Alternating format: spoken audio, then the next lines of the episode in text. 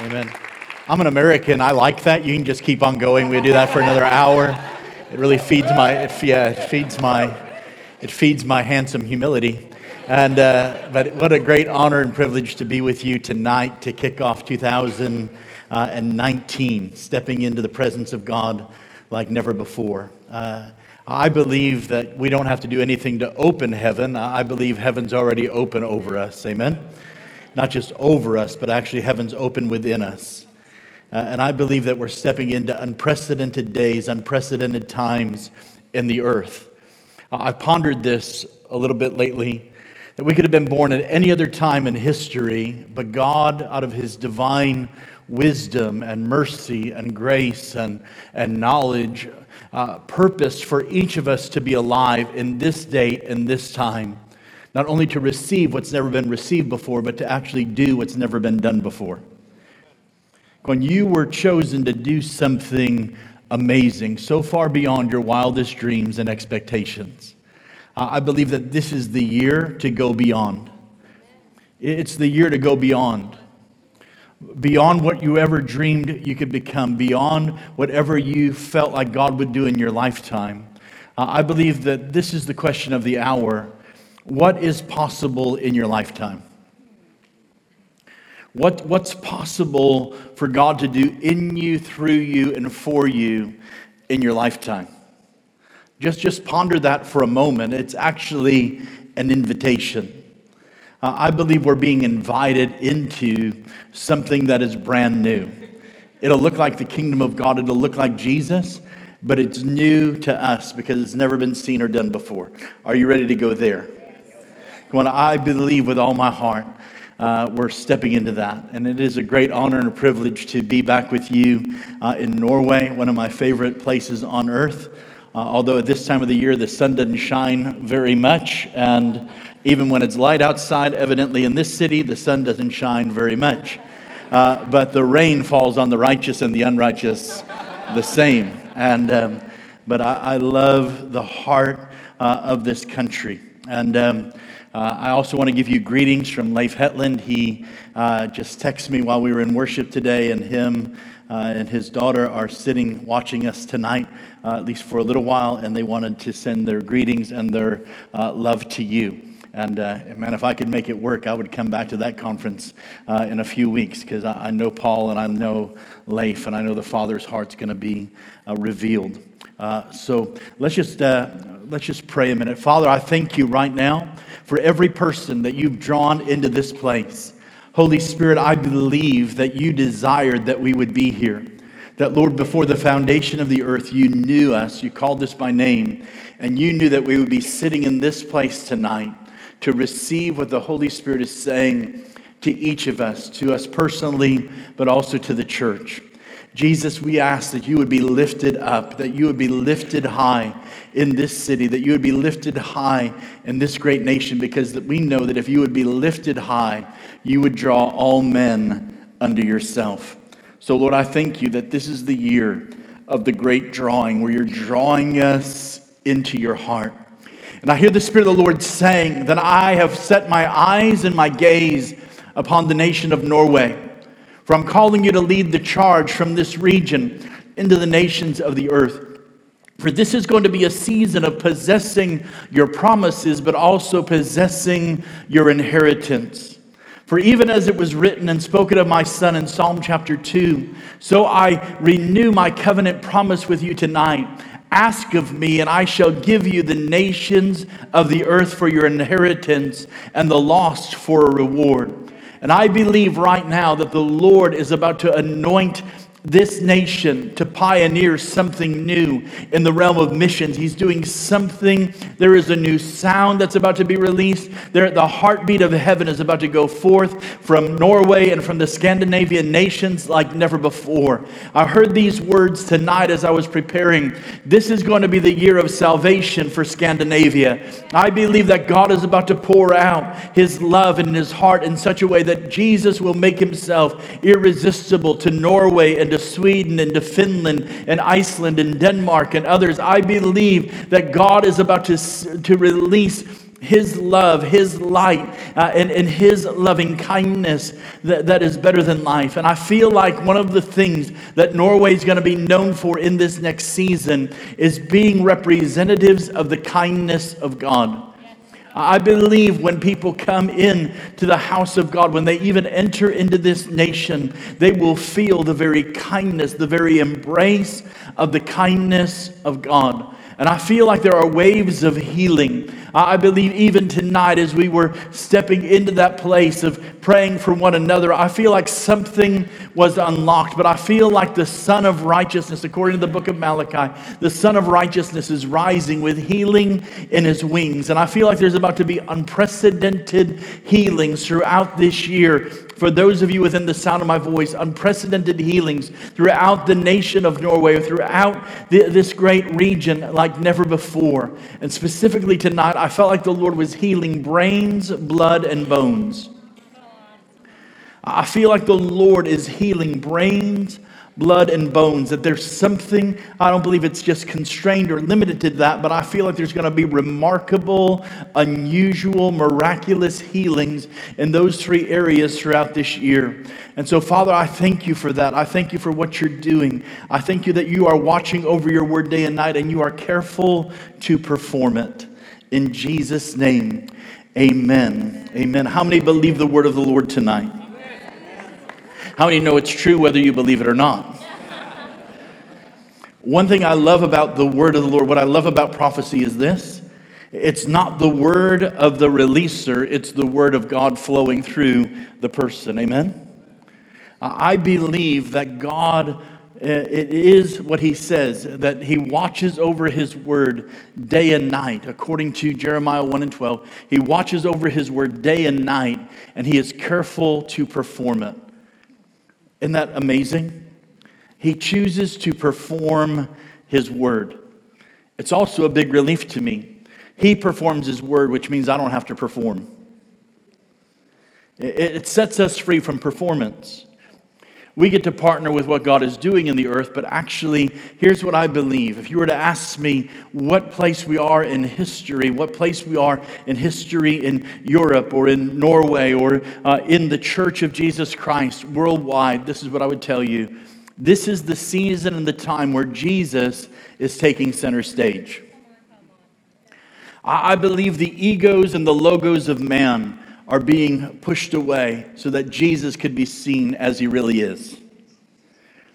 Here's what I've discovered about him He's not coming the way I want him to be, he's coming as he really is. I'll be honest with you, I have my favorite parts of Jesus. I, I like the parts that are like Jesus, the babe in the manger. He's cute and cuddly, and I feel like I can kind of control him a little bit.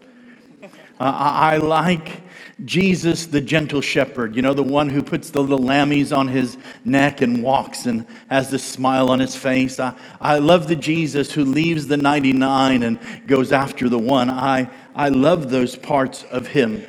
But how many know the, the lamb is also the lion and the lion's also the lamb? How many know he's merciful, but he's also righteous? Uh, how many know he's the Prince of Peace, but he, he's also the conquering king? And I believe that he is stepping into the global stage like we've never seen him come before. Uh, I believe he's about to, to cause destiny to manifest. He, he's causing the, the greater days, the greatest days of life, the greatest days of the history of this planet, I believe, I am convinced, are still in front of us. Here's why I believe it's the promise of Jesus. Jesus said in, uh, in the Gospels, he said these words. He said these words in John 14, verse 12. He said, I'm going to be with the Father. I'm not leaving you again as orphans, but I'm going to be with the Father. He will send one, He will send the Comforter. And when the Holy Spirit comes upon you, if you ask anything in my name, I will do it. And even greater work shall you do now that I go to be with my Father. And then He says it again, and even greater work shall you do. Uh, and if you ask anything in my name, I will do it. Can I tell you something? I believe we are stepping into the season of the greater works of Jesus. that, that he's about to do the greater things. He's about to perform the greater works. I, I read this the, the other day that history uh, is made by people who pray, not by people who worry. How many know we're not called to be a worrying church? We're called to be a praying church.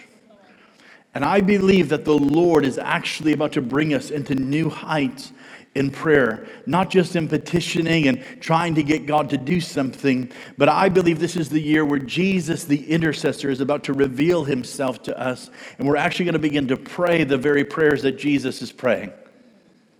How many know those would be the prayers that would accomplish things?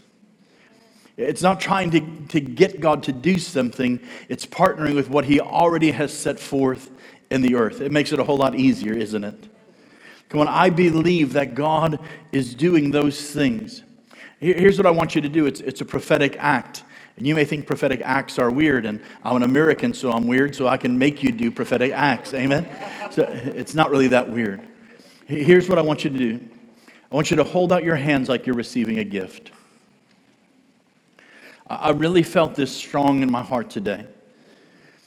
This is what I heard the Lord saying Tell the people I'm putting history in their hands.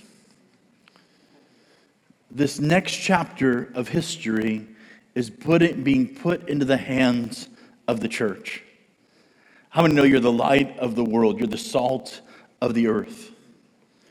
On, it's time for us to shine. It's time for us to go forth. It, it's, we have to understand that we are the preservers. We are uh, the ones that, that, that will, actually, uh, will actually trigger things that Jesus spoke about. History is not in the hands of politicians. History is not in the hands of world leaders. It's not in the hands of the devil. It's not in the hands of demons. It's not in the hands even of angels. History is in the hands of the Lord, and the hands of the Lord are, flowing through our hands today. Are you ready to receive history? Are you ready to let God put history in your hands? On, I believe with all my heart that God is, is, is doing that in this place this weekend. In Jesus' name, amen. Amen. Listen, I, I believe God is doing something amazing. And here's what I believe God builds three ways. Number one, he builds by revelation. You get a revelation of who Jesus is, then you get a revelation of who you are. When Peter got a revelation of Jesus in, in, in Matthew chapter 16, uh, verse 17, Jesus asked the disciples, Who do they say that I am? And the disciples said, Some say you're Elijah, some say you're Jeremiah, some say you're one of the, the prophets, some say you're a teacher, some say this, some say that. And then Jesus just makes it more specific. He said, But who do you say that I am? And Peter gets one right. Aren't you glad for Peter? Right? Peter said, oh, oh, I know this one. I say that you are the Christ, the Messiah, the Son of the living God.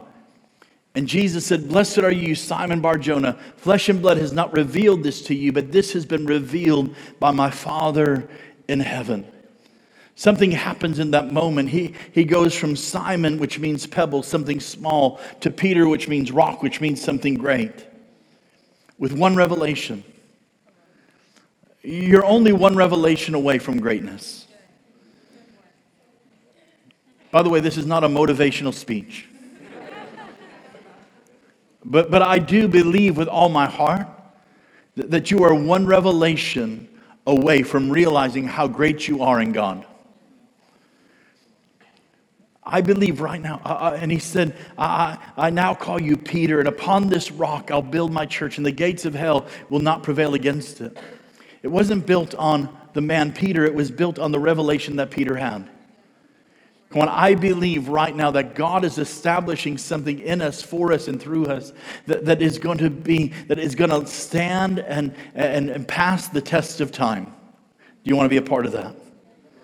Come on, I, I want to be a part of something that the very gates of hell cannot prevail against. Here's the revelation the kingdom of God is always advancing and is always expanding. But the gates of hell are actually, are actually stationary or they're shrinking. Are you hearing me today? that, God is calling us to go to a new place. He's calling us to expand the kingdom of God. How do we do that? With revelation. When I believe that this is going to be a year of revelation like never before. Here's what I'm talking about. The Bible says these words in the book of Habakkuk that the glory of God will cover the earth. The knowledge of the glory of God will cover the earth like the waters cover the sea. Notice what he said the knowledge of the glory of God.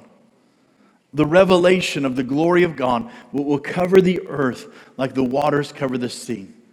How many know that's about to happen in Norway? How many know it's going to happen in Finland, in Canada, in America, and throughout Europe, and throughout the nations of the earth? God is, is setting us up for something spectacular. He builds by revelation. Secondly, he builds by relationship. I believe this is going to be one of the most healing years of relationships in the body of Christ. I believe, I believe that walls that have divided are coming down and bridges of unity without compromise are coming together. I believe with all my heart that there's about to be miracles in relationships, even for people in this room today. Sons and daughters are about to be restored. Prodigals are about to come back. I believe that fathers are, and mothers are about to turn their hearts back towards one another. I believe there's about to be miracles in marriages. I believe there's about to be miracles and, and healings and relationships throughout this nation uh, like, like never before. Would you believe that with me? Come on, I believe that it is the desire and the design of God for this year. I believe we all need different kinds of relationships. We all need spiritual fathers and mothers in our life to pour into us. We all need to, to reproduce that and, and have spiritual sons and daughters in our life. And we also, all, we also need to have friends. We need to have brothers. Here's why uh, a brother or a sister will tell you the truth. Uh, I remember one time my, one of my sisters came to, to hear me minister, and I thought I did pretty good. I pulled out one of the best ones I ever preached, you know? And she wasn't offering up any kind of like compliments on the way home, so I pulled it out of her. Driving, you know, we're five minutes into the ride. She didn't tell me how great I am, so I, I, I said, um, That's pretty good service today. What do you think? She said, eh, It was all right. I heard better. Uh, and but she loved me enough to tell me the truth. How many know we need those kind of relationships in our life to, to build us up, to have iron sharpen iron? And the third way he builds, it was actually on display a little bit uh, already this evening. He builds generationally. He's the God of Abraham, Isaac, and Jacob. What Abraham didn't finish, he passed on to Isaac. What Isaac didn't finish, he passed on to Jacob, and so on. I believe that we're called to build something as the church, we're called to be a part of something and build something for a generation we may never ever see. Just think about that a moment. I know some of us think we're here for us tonight. But what if I were to tell you you're actually here for a generation that you'll never see? That quite possibly what you get healed from, you get set free from, some revelation you get this weekend, some encounter, experience that you have in the presence of God is, is, is going to uh, be deposited into you, but it's going to expand through the generations that come after you. Come on, I know there's always a lot of teaching in churches. I've, I've heard it for 22 years about generational curses, but can I tell you something? What's more powerful, the curse or the blessing? Right? The Bible says that the curse is to, to, to three and four generations, but the blessing to a thousand. So, why do we focus on something small when God is calling us to focus on something great? Come on, I don't want to focus on the curse. I want to break the curse because what I defeat in the spirit, my children will never uh, have to fight in the flesh. Come on, what you defeat in your wilderness will never invade your promised land. What if what you're enduring, what if what you're up against today is actually to unlock the blessings and the favor of God over your children and your children's children and their children for a thousand generations? Would you want to be a part of that? It's how He builds. I believe that in this weekend, God is not just releasing sermons, but I believe He's releasing strategies. I don't believe he's just releasing principles, but I believe he's releasing prophecy. He's releasing his voice like never before. Uh, First, First Chronicles 12, verse 32. There's an interesting group of men here. Uh, they are known as the sons of Issachar. In 1 Chronicles 12 32, it says these words But the sons of Issachar knew their time and their season in the earth. They had something, they had discernment. You know what I love about the Norwegians, what I love about the Scandinavians, what I, I, I love a, a lot about you is that you're discerning people. In other words, you're not looking for an American prophet or an American preacher to come entertain you. But, but you're discerning what's just his flesh, what's his opinion, and what's the word of the Lord. Are you hearing me? Am I discerning well? Right? Come on, you're, you're discerners. And if you were to ask me, listen, by the way, discerners doesn't mean skeptic. Are you hearing me? You're not skeptical, you're discerning. Just ponder that a minute. Just discern that with me. Right? It's, it's not looking at things through doubt, but it's saying we just want to really know the truth. See what I just did there? I completely erased a stigma. Can I tell you something? I bless the discernment, and I declare that this is a nation of discerners that, that the sons of Issachar anointing would fall upon you and you would know your time and your season in the earth. By the way, let me say it this way there's no time like this time, and there's no place like this place. You need to discern and realize, like Esther did in that moment, if I perish, then I perish because I was born for such a time as this. Come on, you were born for such a time as this. There comes a moment in every believer's life. It is an epiphany. It is that understanding of this is my moment. This is something being released to me. I don't know the fullness of that word epiphany. I don't use it very often. It's not in my vocabulary on a daily basis. But here's what I, I felt like the Lord just said to me that this is a moment, that this weekend is an epiphany moment. I believe that this is going to be like an epiphany sta- station. That people are going to come in and they're going to have a personal epiphany. They're going to get a personal understanding, revelation, realization uh, of that Jesus is here, that he wants to do something great and mighty in our lives. Are you hearing me? Come on, some of us right now, we're, we're in that brink that this is an epiphany weekend. There, there's a word for you in this weekend that won't just mark you for the moment, but will actually become a launching pad to take you uh, into the future. I believe the anointing of David is in this room. I love King David. I love him. He has a great name.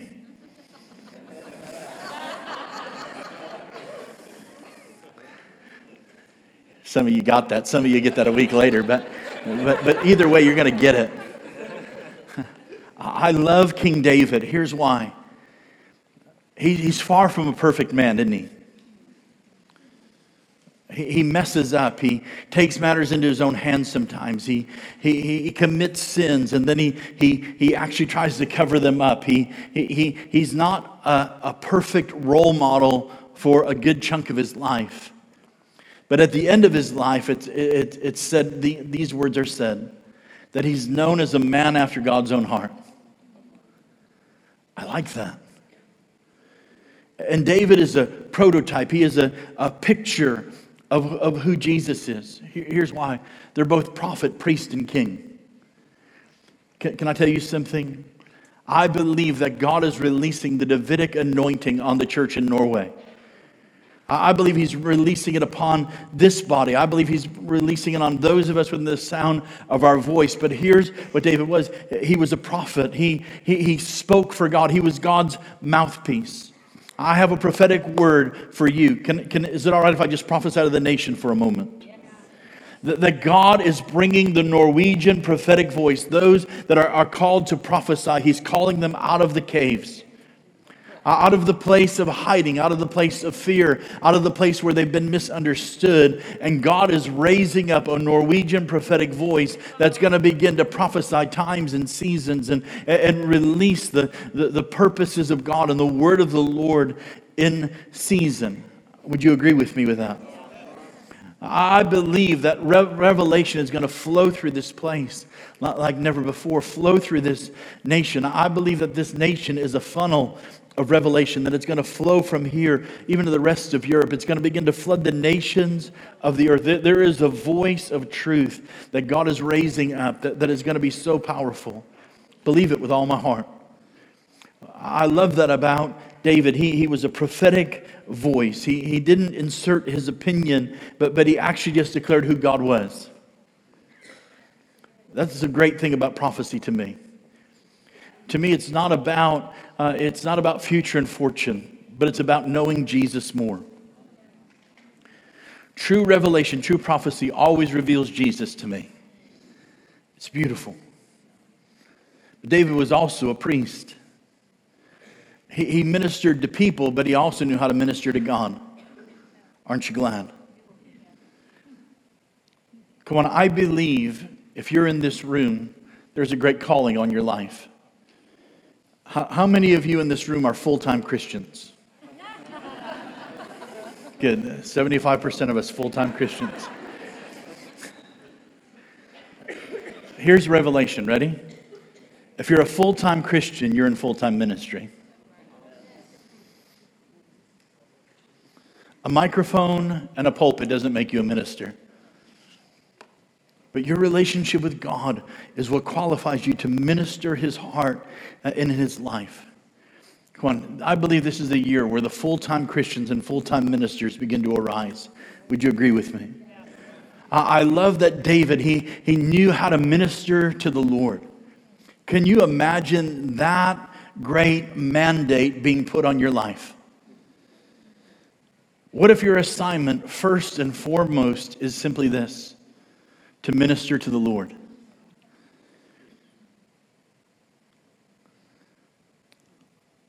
English is a really unusual language, isn't it?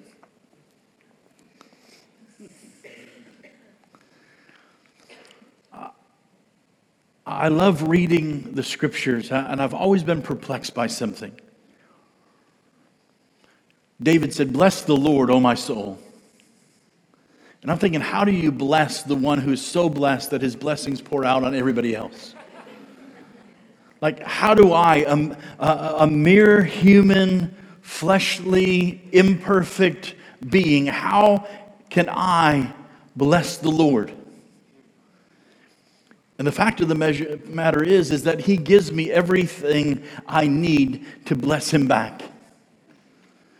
What if your assignment in this year was to bless the Lord, to minister to God? Here's what I believe the, the mandate, the question, the, the greatest desire in the heart of God for all of us this year.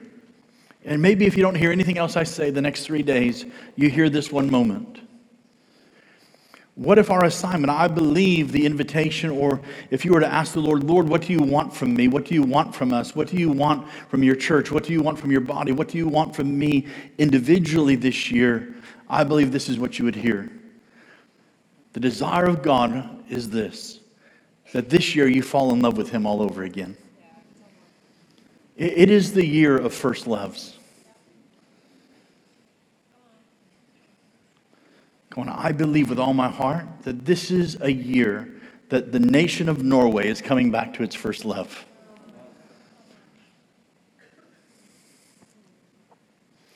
It's what I call a Selah moment. Think about it, ponder it. He's calling us back as a first love nation. I believe it with all my heart. But David was also a king. He ruled and he reigned. He ruled and he reigned. Can I tell you something? The enemy cannot usurp God's throne. How many know the throne of God is secure? I like talking to people sometimes and hearing how different people's take on things. one of the most annoying phrases I ever hear is this. How you doing, brother? Well, God's still on the throne.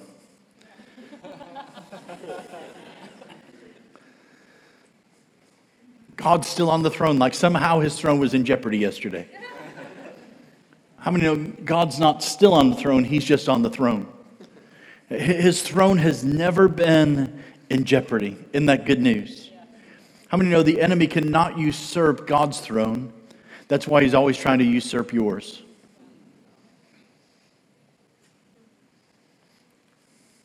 That's revelation, isn't it?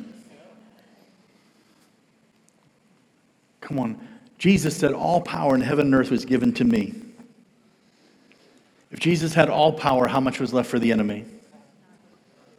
None. Jesus said these to the disciples, He breathed on them. Remember that? He breathed on them and said, All that I have, I now give to you. So He has all authority. He gave it to His disciples. So, how much is left for the enemy? Only what we give Him. And I believe right now that many of you are about to step back into that kingly place, into that priestly place, into that prophetic place. Some of you, maybe you were in it and you stepped back from it. Maybe some of you are fully engaged in it. Maybe some of you have never tapped into it. But this is a time and a season of tapping into the fullness of it. Here's where I was going with David before I just gave you a 10 minute rabbit trail. Acts 13, verse 36. It says, David fulfilled the purposes of God in his generation. I don't know about you, but I want to be, I want that to be said at the end of my life. That I fulfilled the purposes of God in my generation. Some of you right now, you need to put your name in that phrase. That you're going to fulfill the purposes of God in your generation. Anybody with me tonight? Come on, I, I believe it's the desire, it's the very heart of God. So, what's happening on the world stage? Here's what I believe this is a year of astonishment, it's a year of amazement. Is it all right if I prophesy to you a little bit? Good. I'm going to prophesy to you anyway, and I'm going to use scripture to do it. Right? Habakkuk 1, verse 5 says, Look among the nations and watch. Be utterly astounded and amazed. For I will work a work in your days which you would not even believe, though it were told to you. In other words, God's going to do so many amazing things that it's going to blow your mind. You won't even be able to comprehend it. That's the kind of year we're stepping into. That God's not only going to do what we expect, He's going to do what we never even dared to dream or imagine before. Come on, that we, when you hear the news report, whether the national news or BBC or some uh, uh, thing coming out of America or some other place that's talking about disasters happening in politics and finances and all of those things. Can I tell you something? I wouldn't get distracted by any of that, but I would keep my eyes fixed on Jesus, who is the author and the finisher of my faith, that, that created the worlds and holds them all together in the palm of his hand. In the midst where everything is being shaken, Jesus is still your, your sure thing. Amen? Come on, I believe right now that we are about to step into a season of amazement. Norway, this is your year to be amazed. Those of you here from Finland, this is your year to be amazed. Those of you here from other parts of the world, this is your year to be amazed, to be astounded, to cause your jaw to drop. I believe it's going to be a year of awe and wonder. I believe it's going to be a year of shock and awe. Some of you are going to be so shocked and such, such awe of what God is doing. Come on, it was in the prophetic word tonight. I love this scripture, Psalm 2, verse 7 and 8. I will declare the decree. The Lord has said to me, You are my son. Today I have begotten you. Ask of me, and I will give you the nations for your inheritance and the ends of the earth for your possession. Anybody want to dare to ask God tonight for Norway? Yes. Anybody want to ask God for Finland or America or Israel or, or the Netherlands or Belgium or the EU or Sweden or, or, or, or, or, some far reach, uh, seem like closed place. Can I tell you something? Some of the hardest places last year are going to be some of the most harvest filled places this year. I'm prophesying to you tonight that God is setting you up. He's actually causing you to step into your place. Job 37, 5 and 6 says, God thunders marvelously with his voice. This is going to be a year where the voice of God, the very vibration of his voice, is going to be felt. I believe it with all my heart that we're not just going to hear his voice, but we're actually going to feel the vibration of his voice. God thunders marvelously with his voice. He does great things which we cannot comprehend. For he says to the snow, Fall on the earth, likewise to the gentle rain and the heavy rain of his strength. How many know that might just be the, the scripture verse over this city? Right? The light rain and the heavy rain, it, it all flows the same. And when you get tired of that, here comes a little snow, right? And uh, I, I saw the sunshine here once.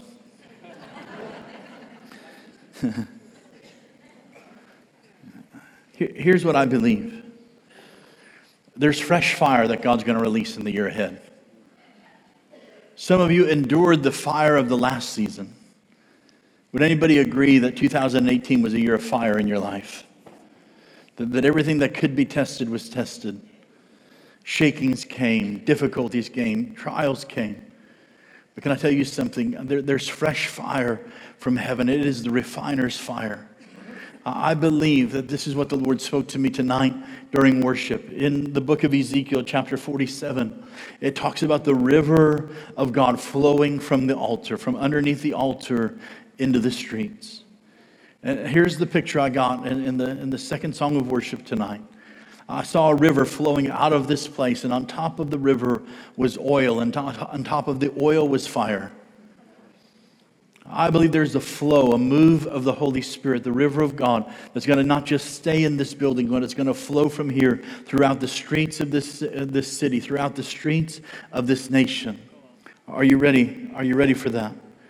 But also, there's a fresh anointing, there's a fresh oil from heaven being poured out on top of that. And you're going to begin to walk in the fire of God. You're going to know the fire of God uh, in, in the year ahead. If you were to ask me two words, Dave, what, do you think are the two strongest words for this year? Uh, I would tell you this mercy and fire. Mercy and fire. I believe the mercy of God is here. Aren't you glad for mercy? Mercy is not just a way out of trouble, it's also a way into promise. God doesn't just bring me out of something without bringing me into something new. Come on, the mercy of God is powerful. And I feel like there are angels of mercy in the room tonight. Some of you, when, you when, when you're looking at your circumstance and situation, when you're looking at your life, here's what you need to know God, when He looks at you, has mercy on His mind. I feel the mercy of God tonight. I feel like this is a nation of mercy. The people are going to know the kindness of God and the mercy of God.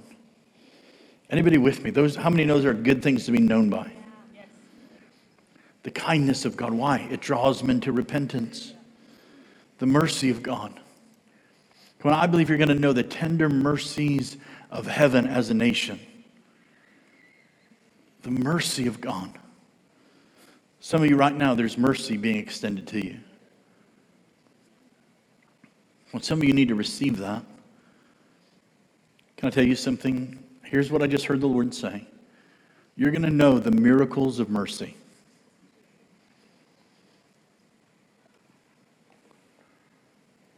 Mercy is powerful. Here's why. If you read through the Gospels and you come across this phrase, and Jesus was moved with great compassion, something always happened. Whenever the mercy of God came and Jesus was moved with great compassion, all got healed. All the oppressed got set free. How, wanna, how many want to move in that realm of mercy? There is a compassionate, mercy driven anointing dropping upon us. Here's why Norway needs mercy. This generation needs mercy. We, we should be crying out for the mercy of God. When I believe right now, the anointing of agents of mercy are coming upon us. In the Psalms, it says that the, that the foundation of his throne are justice and righteousness. In this world, people are calling out, especially in re- the religious church world, there's a lot of talk about judgment. Every time there's some uh, great travesty happening, every time there's some uh, kind of natural disaster, a tsunami, an earthquake, a, a hurricane, those things, everybody right away goes to it's the judgment of God, the judgment of God. Here's why I don't believe that's necessarily true. Remember the story of Elijah? Remember the story of Moses? And God's at the place where He's about to wipe out the whole thing. And see, what if you found a thousand righteous? What if you found a hundred? What if you found ten? What if you just found one? Would you have mercy? Come on, how many know in the midst of those places in the city, there's some God fearing people? There, there's some good Christian folks there.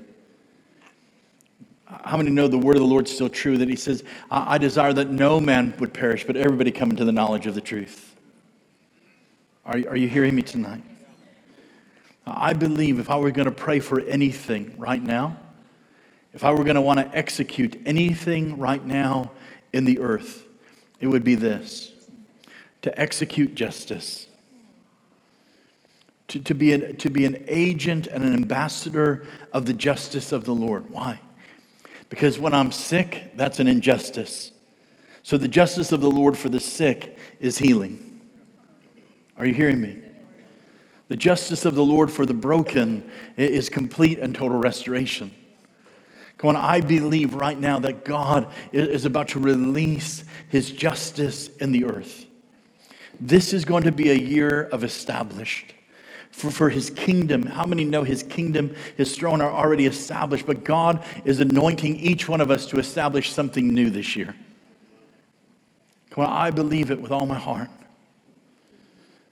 I want to declare this over you. This season is not like the last season.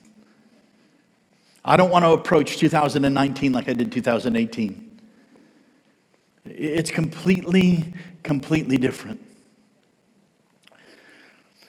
Last year, on one of my trips to Australia, we'd flown out of Los Angeles, California, and we were flying, uh, was supposed to have a direct flight to, to Melbourne. And uh, as we were flying through the night, there was some turbulence and, and different things. And, and about uh, two and a half hours before we were supposed to land, uh, you, we, the, the pilot got on the, the intercom and he said what you really don't want to hear when you've been in flight already for 12 hours said, Ladies and gentlemen, we don't have enough fuel to make it to Melbourne, but we do have enough to get to Sydney. Aren't you glad for Sydney? Uh, and he said, We've hit, you know, although we've been flying at 565 miles an hour, we've had a headwind uh, for most of the night, sometimes up to 200 miles an hour. So it's, it's actually slowed us down and caused us to burn more fuel. And so we need to stop. We need to refuel uh, in, uh, in Sydney and then get back in the queue in the line and then uh, take off to Melbourne. So by the time I got to Melbourne, uh, total delay time was probably about six hours.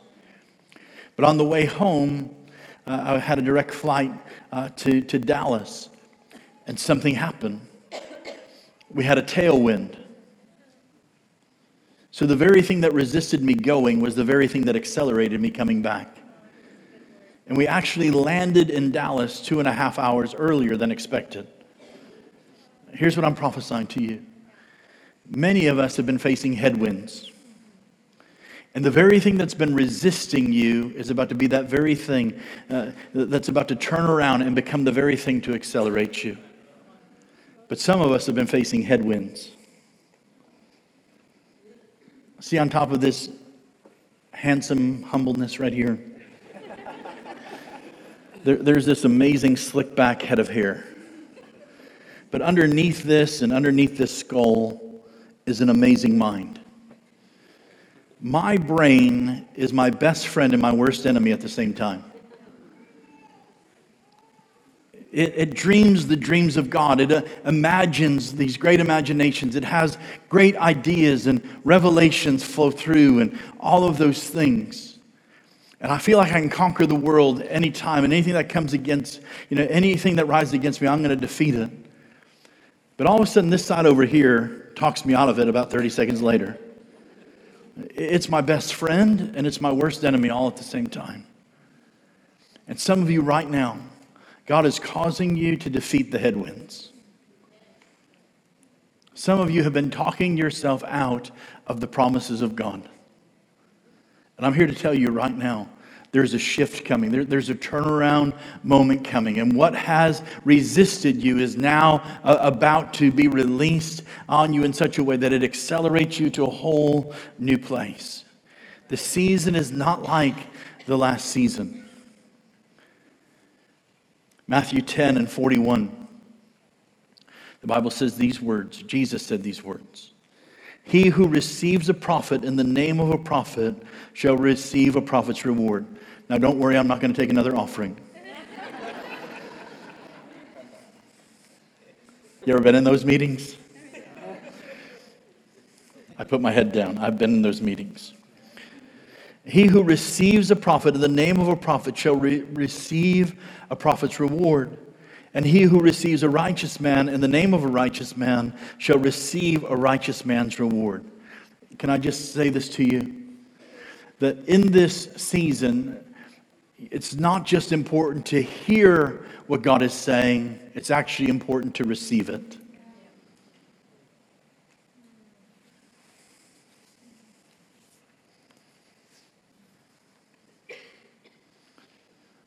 Some of you have been hearing it, and some of you have been receiving it. Some of you have been hearing it saying, wow, this is just a prophetic guy talking at a conference. And some of you have actually been receiving it as the word of the Lord for your life. Let me explain to you the difference. In 2004 so, I was invited to the Pensacola Police Department, the city I, I lived in. And I was asked to minister to uh, all of these policemen that were, were gathered together. They would meet every Tuesday afternoon for Bible study and prayer. And, and there were about 45, 50 guys there, which is, is pretty uh, remarkable. And so I'm ministering to them and I start prophesying to them one by one. Uh, and there's a, a, a, a, guy there, he's a, lieutenant, um, and um, or he, he's a sergeant at the time, and his name is Paul Kelly. And the word comes to him that he's going to actually bypass being a lieutenant, go straight to captain. And after he's a captain for a little bit, God wants to make him the chief of police, the head of the whole department. There was another man there named David Alexander, uh, and I gave him uh, a, word, and word was powerful to him. But he, he, he said these words to me last year. He said, David, I was in that meeting, and he said, I heard what you said to Paul Kelly, and I know he heard it, but I recognize that he didn't receive it. So I said, Paul, it's very important that you receive that word. And this is what Paul said. Um, you know what? Great word, but I don't really want that. I'm going to make captain. I'm going to retire. That's the plan. And David said, Really, Paul, I, think you should really receive that word. It's God talking to you. I, I really believe with all my heart. I've, I've felt it for a long time. And he said, David, you don't understand. I'm going to make captain and then I'm going to retire. So David Alexander said these words to me. He said, So I received it for him.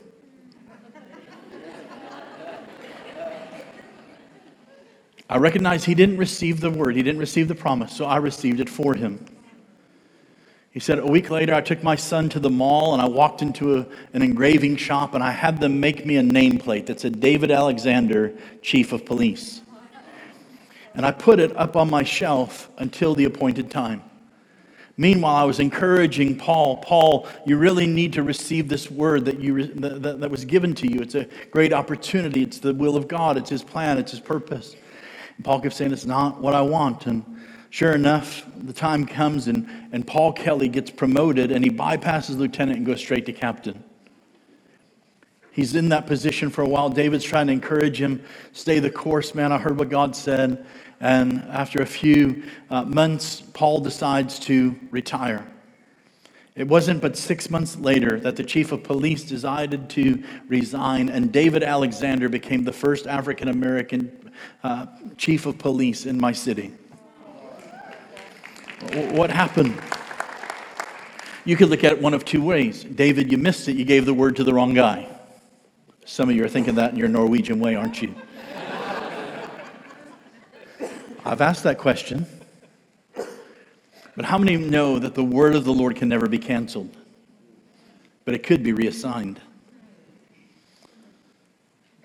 Oh, you're, you're, are you waking up to hearing that right now? Do you know that there are churches in this city that said no to what God wanted?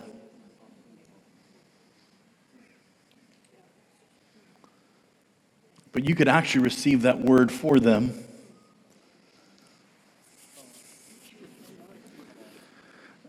There are churches that were actually invited to be healing centers, to be apostolic resource centers, to be prophetic voice churches, to, to, to have great impact uh, in the nations of the earth. But they, they chose, for whatever reason, to say, you know what? We kind of like what we're doing here. What if you receive those words? What if we actually received those words? How many know the Bible says, I didn't say it, but the Bible actually says these words in Isaiah 55 that his word does not return to him void, but it accomplishes what it was set forth to do.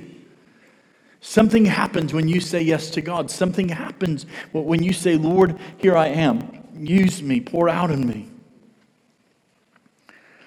Galatians 6 and 9 says, And let us not grow weary while doing good. For in due season we shall reap if we do not lose heart. Anybody here tonight, you've been weary in the waiting.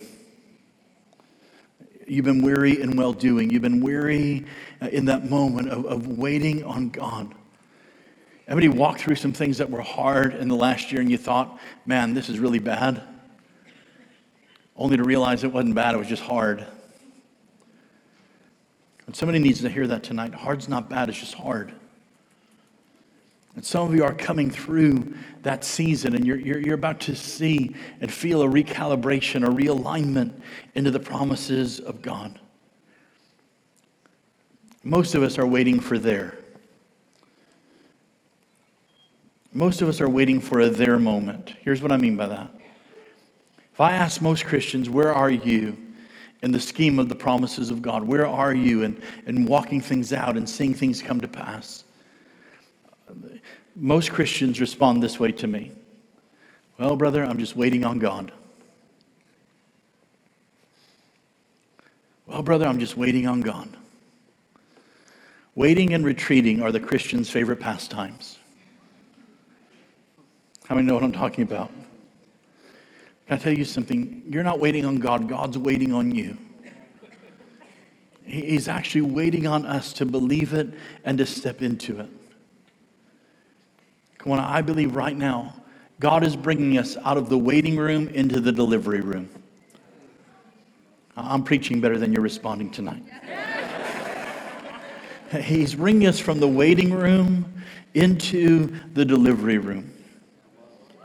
Come on, you're, you're about to see the Lord deliver his promises. I, I felt all night tonight the Lord was pacing back and forth in this room like a father would do in the old days when he was, would pace the waiting room waiting for his wife to give birth. Come on, I believe right now that Jesus, the expectancy of Jesus, is being released upon us. Most of us are waiting for that their moment when I get there, when this happens, when all of these things come into place, then I'll actually step into it. But can I tell you something right now? You're there. What if your there is here? What if your there is here? What if your then is now? My wife and I went to a marriage conference uh, last February. It was great. There was this uh, preacher by the name of Dr. Jimmy Evans there from Texas. And he said one of the most profound things I ever heard. I think you should apply it to marriage, but I think it applies to church and spiritual life as well. Here's what he said If the, la- if the grass looks greener on the other side of the fence, it's time to water your own lawn.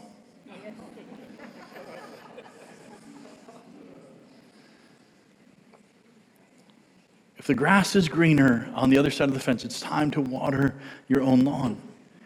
Here's, here's what I believe that means. Oftentimes we're waiting for the ne- we're looking for the next thing. If I can just get over here, if I get over here, if I can just be a part of that, if I can go get an impartation here, if this thing happens, if these people come, if I can just get to that conference, if I can just move over here, look at all the great things that church is doing. And wow, look at that. Look at the music that's coming out of that place. And wow, look at all the teaching and all of that stuff. And we start moving ourselves in, into a place called distraction by comparison.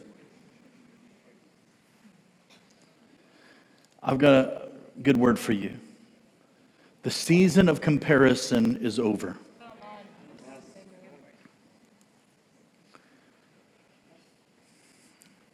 I need you, and I want you to hear my heart in this.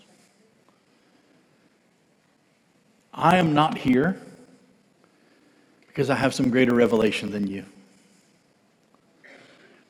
I am not here because somehow I think I know more than you. I'm in Norway this first weekend of 2019 because just like you, I'm hungry to discover what God is doing and saying. Are you hearing me?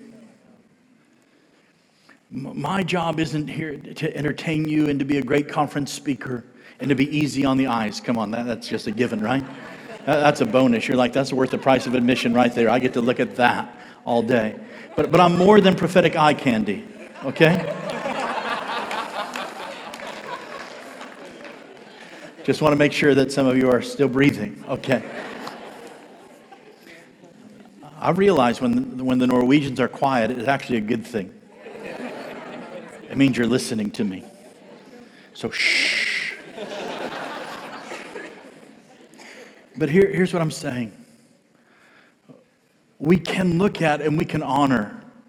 Listen, I honor Bill Johnson and the movement of Bethel. Would you, would you agree with me on that? I honor the, the ministry of Global Awakening and Randy Clark. I really love those guys. I love Mama Heidi Baker. I, I work with her uh, a lot in Mozambique and, uh, and around the world. These are, these are my friends, okay? I'm, I'm not name dropping, by the way. I'm not trying to validate myself, but, but what I'm about to say is, is really important for you to hear. God is not waiting for another Bethel to arise in Norway. He's not looking for global awakening Norway. He's not looking for Iris Ministries Norway. There is a flavor, there is an anointing upon the Norwegian church that the American church should be coming to. Come on, there was something, can, can I just be honest with you? I'm not saying it just because I'm here. I was on the front row today, and there were moments during worship, there were moments as, as things were happening in the room where I began to be overwhelmed by the presence and the, and the Spirit of God for this reason. I was receiving things that have been missing in my own life. Do you, do you understand that? That what you are carrying is so valuable and so needed. And hear me, th- this is a prophetic word for you. 2019 is the year where the world and the church is going to begin to put a demand on the anointing that the Norwegian church carries. Those of you in worship, there's a new sound. There's always a new sound before there's a new move. Would you agree? Every move of God is marked by a sound.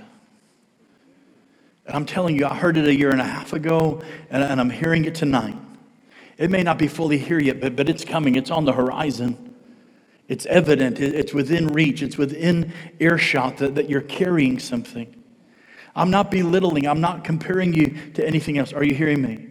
I'm saying there is something genuine, there is something unique, there is something needed that God is pouring out on you that the rest of us need. Otherwise, we are going to be incomplete without you stepping into that place. It's a powerful revelation. I'm not going to force feed it to you. But what if I were you? Here's what I would do. I would let a, I would let a quiet yes. I would let a, a quiet yes, a whisper in your spirit. I mean, don't get too loud because then I'll think you're not believing me. But, but I would say, Lord, more than anything else, I want to carry something that my neighbor needs.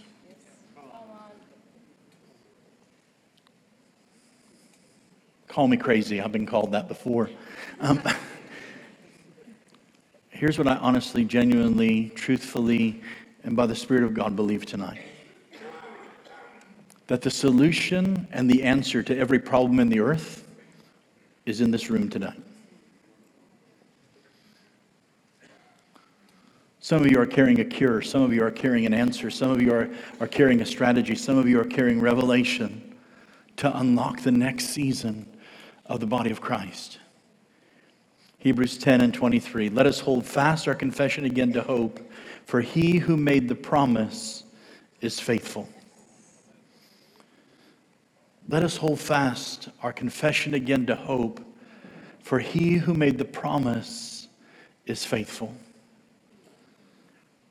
Faith begins with hope.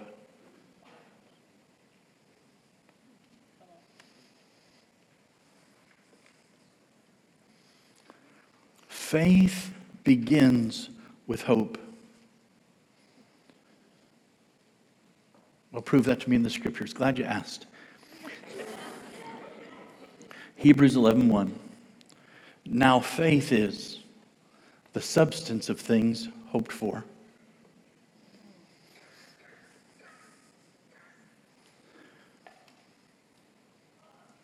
This is not a faithless nation.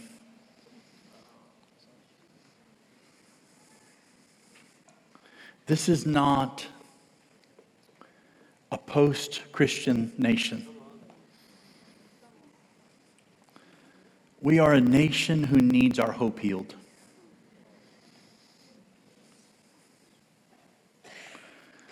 There's an anointing just dropping in the room right now. Are you ready for it? Yeah. It's the anointing and the mandate to be healers of hope.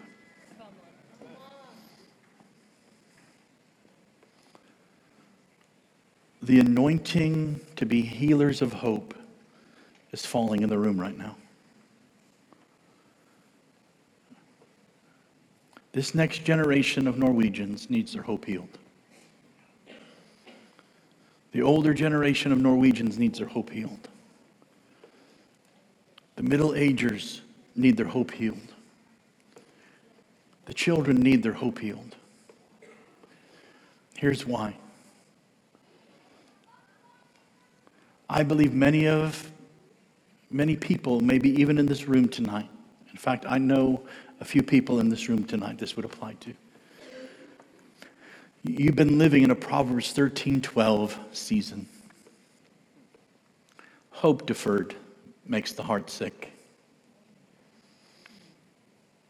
But a longing fulfilled is a tree of life. And God wants to heal the heart of the Norwegian church. He wants to heal the heart of the Scandinavian church. He wants to heal the heart of the European church. He wants to heal the heart of the American church. He, he wants to heal the heart of the Norwegian and the Finn, and he wants to heal the heart of the Swedish, and he wants to heal the heart of the Dutch, and he wants to heal the heart of the American. He, he wants to heal our hearts. He wants to heal our hope in our heart tonight. Some of you right now, can I just tell you something? The year of hope deferred has, end, has ended. And I prophesy, declare over you that this is going to be a year where the tree of life, your longings are about to be fulfilled. How do you know that, David? The Bible tells me so.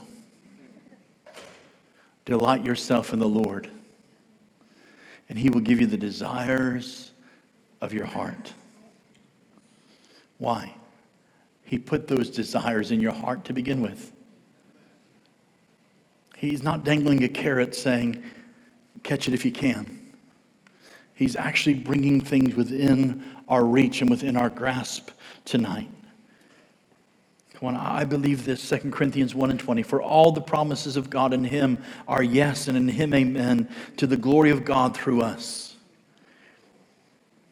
Here's what I really believe it means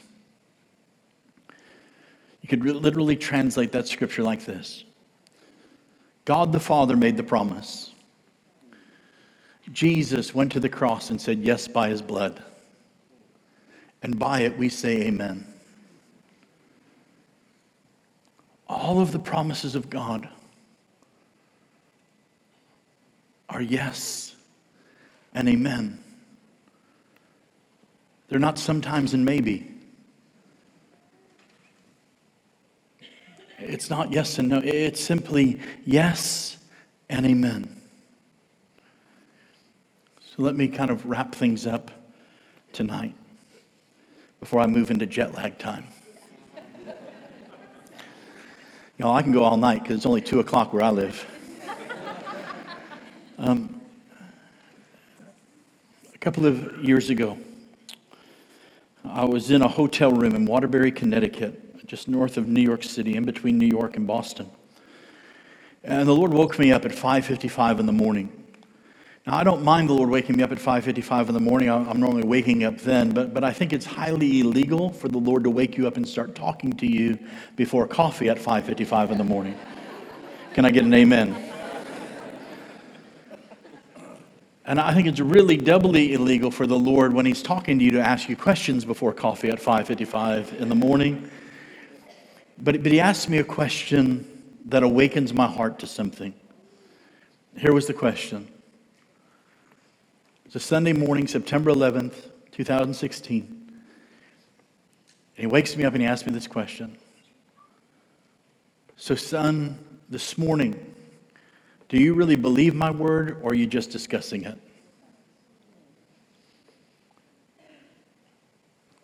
I think what most preachers have done lately is brought people into a discussion instead of bringing people into belief. Do you really believe my word or are you discussing it? Are there any believers in the room tonight? Jesus said, All things are possible for, for they that have great faith. That's not what he said. All, all things are possible to the charismatic conference goer. All things are possible if you read the right book. All things are possible for the mighty men of God that are handsome and humble. He said, All things are possible for they that believe. And I believe right now, with all my heart, this is going to be the greatest generation of believers Norway's ever had.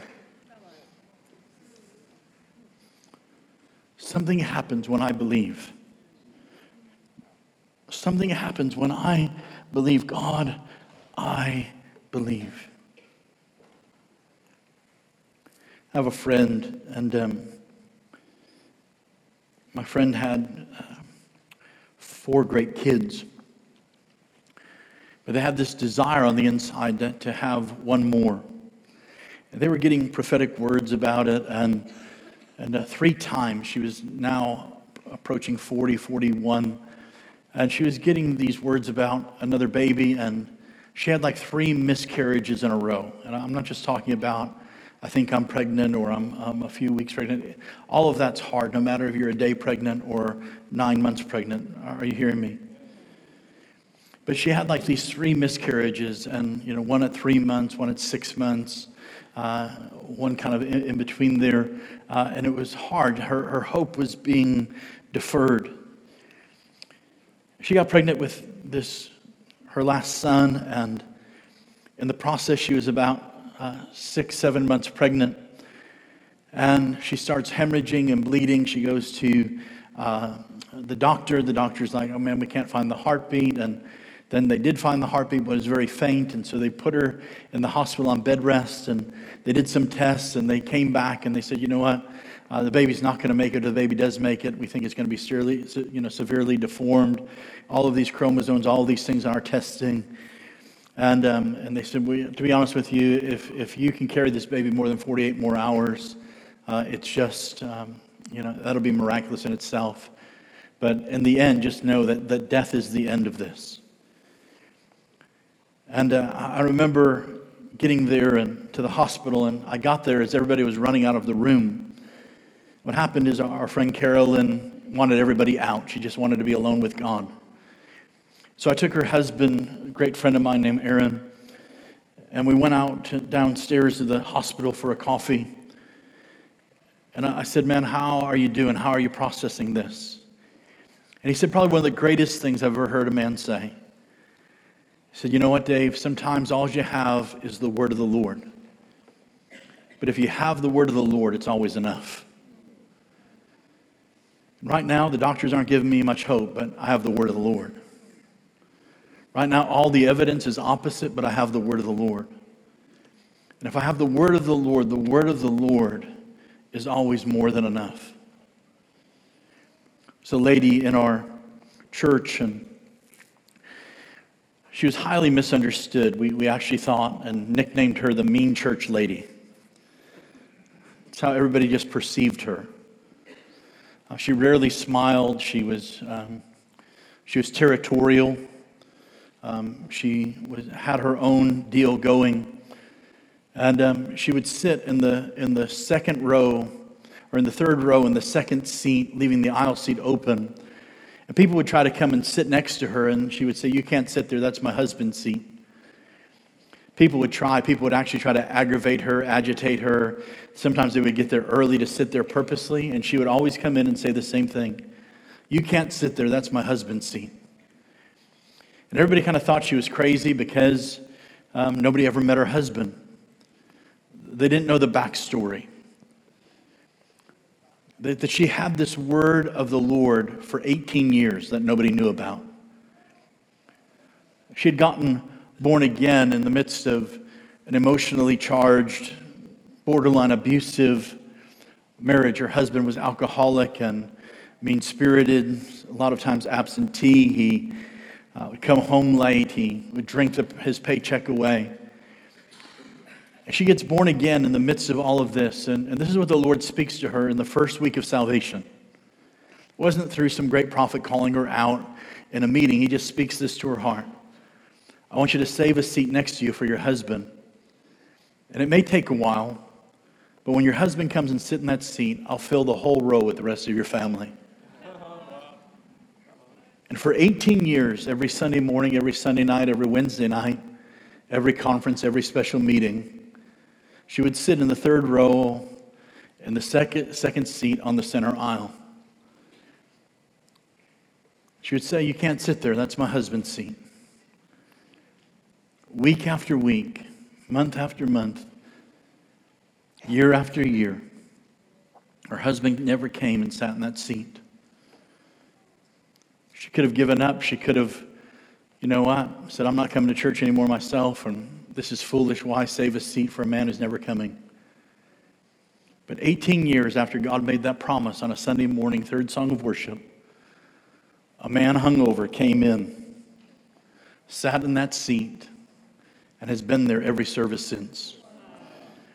That man is now a mighty man of God who helps oversee our prison ministries, a mighty evangelist and today, that row and the row behind her are filled with her entire family because she dared to believe. I would probably give up after 18 days, 18 weeks, or 18 months. But 18 years, she had a tenacity, a quiet faith that simply said, I don't know when, I just know what God said. All she had was the word of the Lord. But the word of the Lord is always enough. You know, Jesus always has something to say because he's the Word. Isn't that good? He always has something to say. He's the Word. This is the year of His Word coming to pass. I don't know when he said it, how he said it, through whom he said it. If he said it in the still small voice, if you were reading something in this amazing book and it lifted off the page, God spoke to you uh, in your heart, in, your, in a dream, in a vision, whatever he spoke to you, he's about to do it. He's about to do it. Can you handle one more story? There's a lady in our church. She's now gone home to be with the Lord. Uh, I like her. She was European. Um, she was from Austria, uh, and um, she was very stoic. She was very smart. She was highly educated. Um, and she grew up in, in Austria and ends up going to this prestigious university somewhere in Germany. This is now going back about 40 years. Uh, and, and she learns this, um,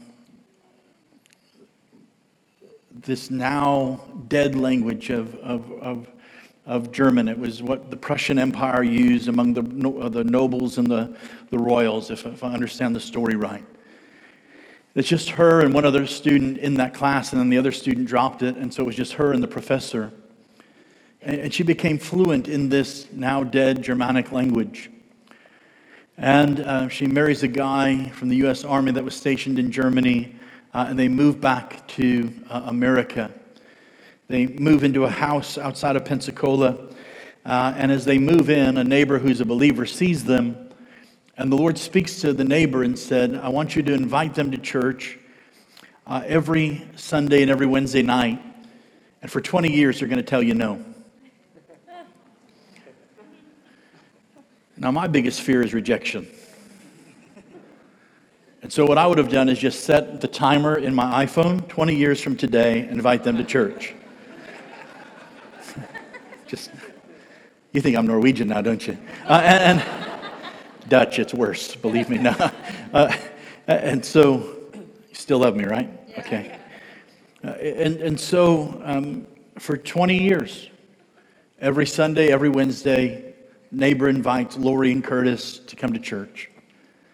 They say no. Sometimes they say more than that. They say blankety blank no. No, and here's where you should go. I mean, all of that stuff. They, they were mean to her at times. And about 20 years in, uh, Lori gets curious. And she watches her go on Sunday morning. She leaves the house at 9 but doesn't get back to 1. She thinks that's way too long to be in church. But she notices on Wednesday night that she leaves the house at 6:45 in the evening and she's back home by 8:15 and she thinks I can probably give God an hour and a half if he's real, you know? So I'm going to go to that service because in that service uh, at least it will get her to shut up and she'll quit inviting me. And so they go to the service. Only about 25, 30 people are there. It's a midweek service on a Wednesday night. And the pastor is the worship leader and the preacher. And so he's, you know, he sings Kumbaya and I Exalt Thee and a few other, you know, easy tunes. And he puts the guitar down and he get ready to kind of step behind the podium uh, to teach. And as he's moving, uh, a voice on the left side of the church begins to ring out in tongues. And Lori's jaw drops because she recognizes that this is the dead Germanic language she learned in the university. And she realizes that not very many people know that language, and especially not in Pensacola, Florida, right next to Alabama, where everything is hey, y'all. Okay? So she's amazed because this person is speaking it perfectly. But she becomes even more amazed where a man on the other side gives the interpretation, and it's the exact translation of what he heard over there. It's how Lori Brown gave her life to Jesus and Curtis shortly after. They began our benevolence ministry to take care of the poor and the, and the needy in our community. And, and Lori went on to, to, to be with Jesus about seven years ago, and Curtis is still carrying it out. But my point is this what would have happened if there wasn't a woman who believed and saved a seat for her husband? What would have happened if there wasn't a persistent neighbor that twice a week was willing to be rejected so a woman could come and at the appointed time sit in a seat to hear something in a language she could understand. You say, wow, both of those things are really supernatural. Absolutely, positively, I agree with you. But all of that supernatural activity was triggered by something called faith and obedience. And I believe with all my heart that God is about to cause faith and obedience to erupt in this place like never before. I know tonight is not a shout me down message. You wouldn't shout me down in Norway anyway. But I believe it's prophetic nonetheless. I believe for the last little bit of time. For the last hour and 19 or 20 minutes, you've been hearing a prophetic word. That prophetic word isn't just being spoken at you or over you, it's being spoken to to you. And I just have to ask you one thing Will you receive it? Will you receive it? Because it's rich. I think if we listened to it again, we'd hear things we didn't hear before tonight. I'm telling you that God is about to move in such a powerful way. Here's why I'm sure of it. I want you to hear my heart in this. This is not a bragging on me. I normally begin for the last 20 years, I've began the first weekend of January in Washington, D.C., hosting a conference. In the middle of the last year, the Lord spoke to me not to do that, to do it that way, but to leave this weekend open for, for a divine appointment. Up until about two months ago or so, maybe three, this meeting was scheduled for next weekend.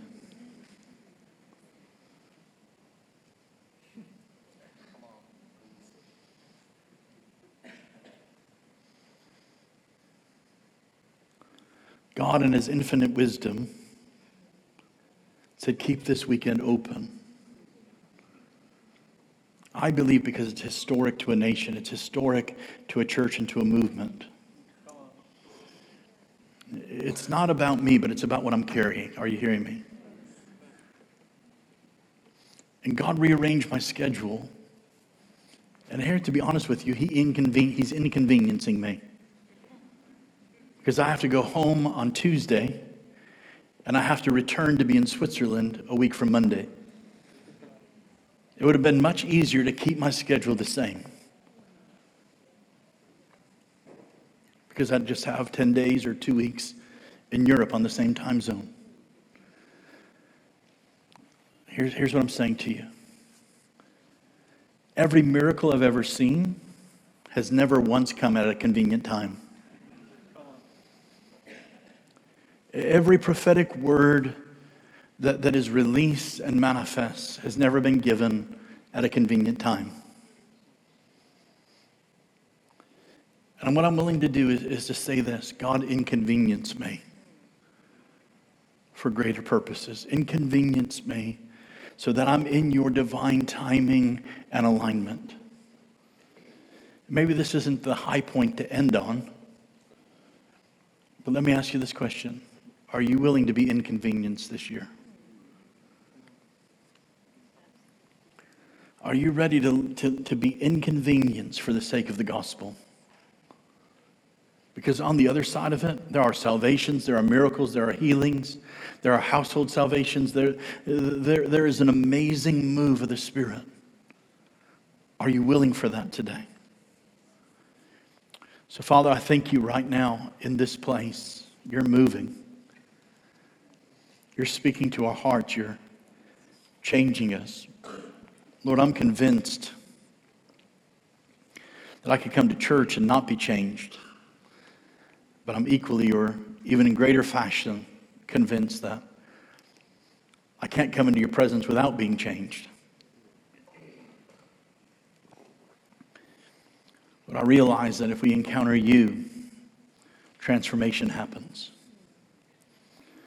And I thank you right now that, Lord, tonight you're transforming us. It's what your word does, it's what Revelation does. It comes to transform us. And I just declare that over Norway, this is a year of transformation. Over this house, it's a year of transformation. Over our lives, over our ministries, over Norway and Finland and America and Canada and Ghana and Uganda and other places where we've come from tonight. It is a season of transformation.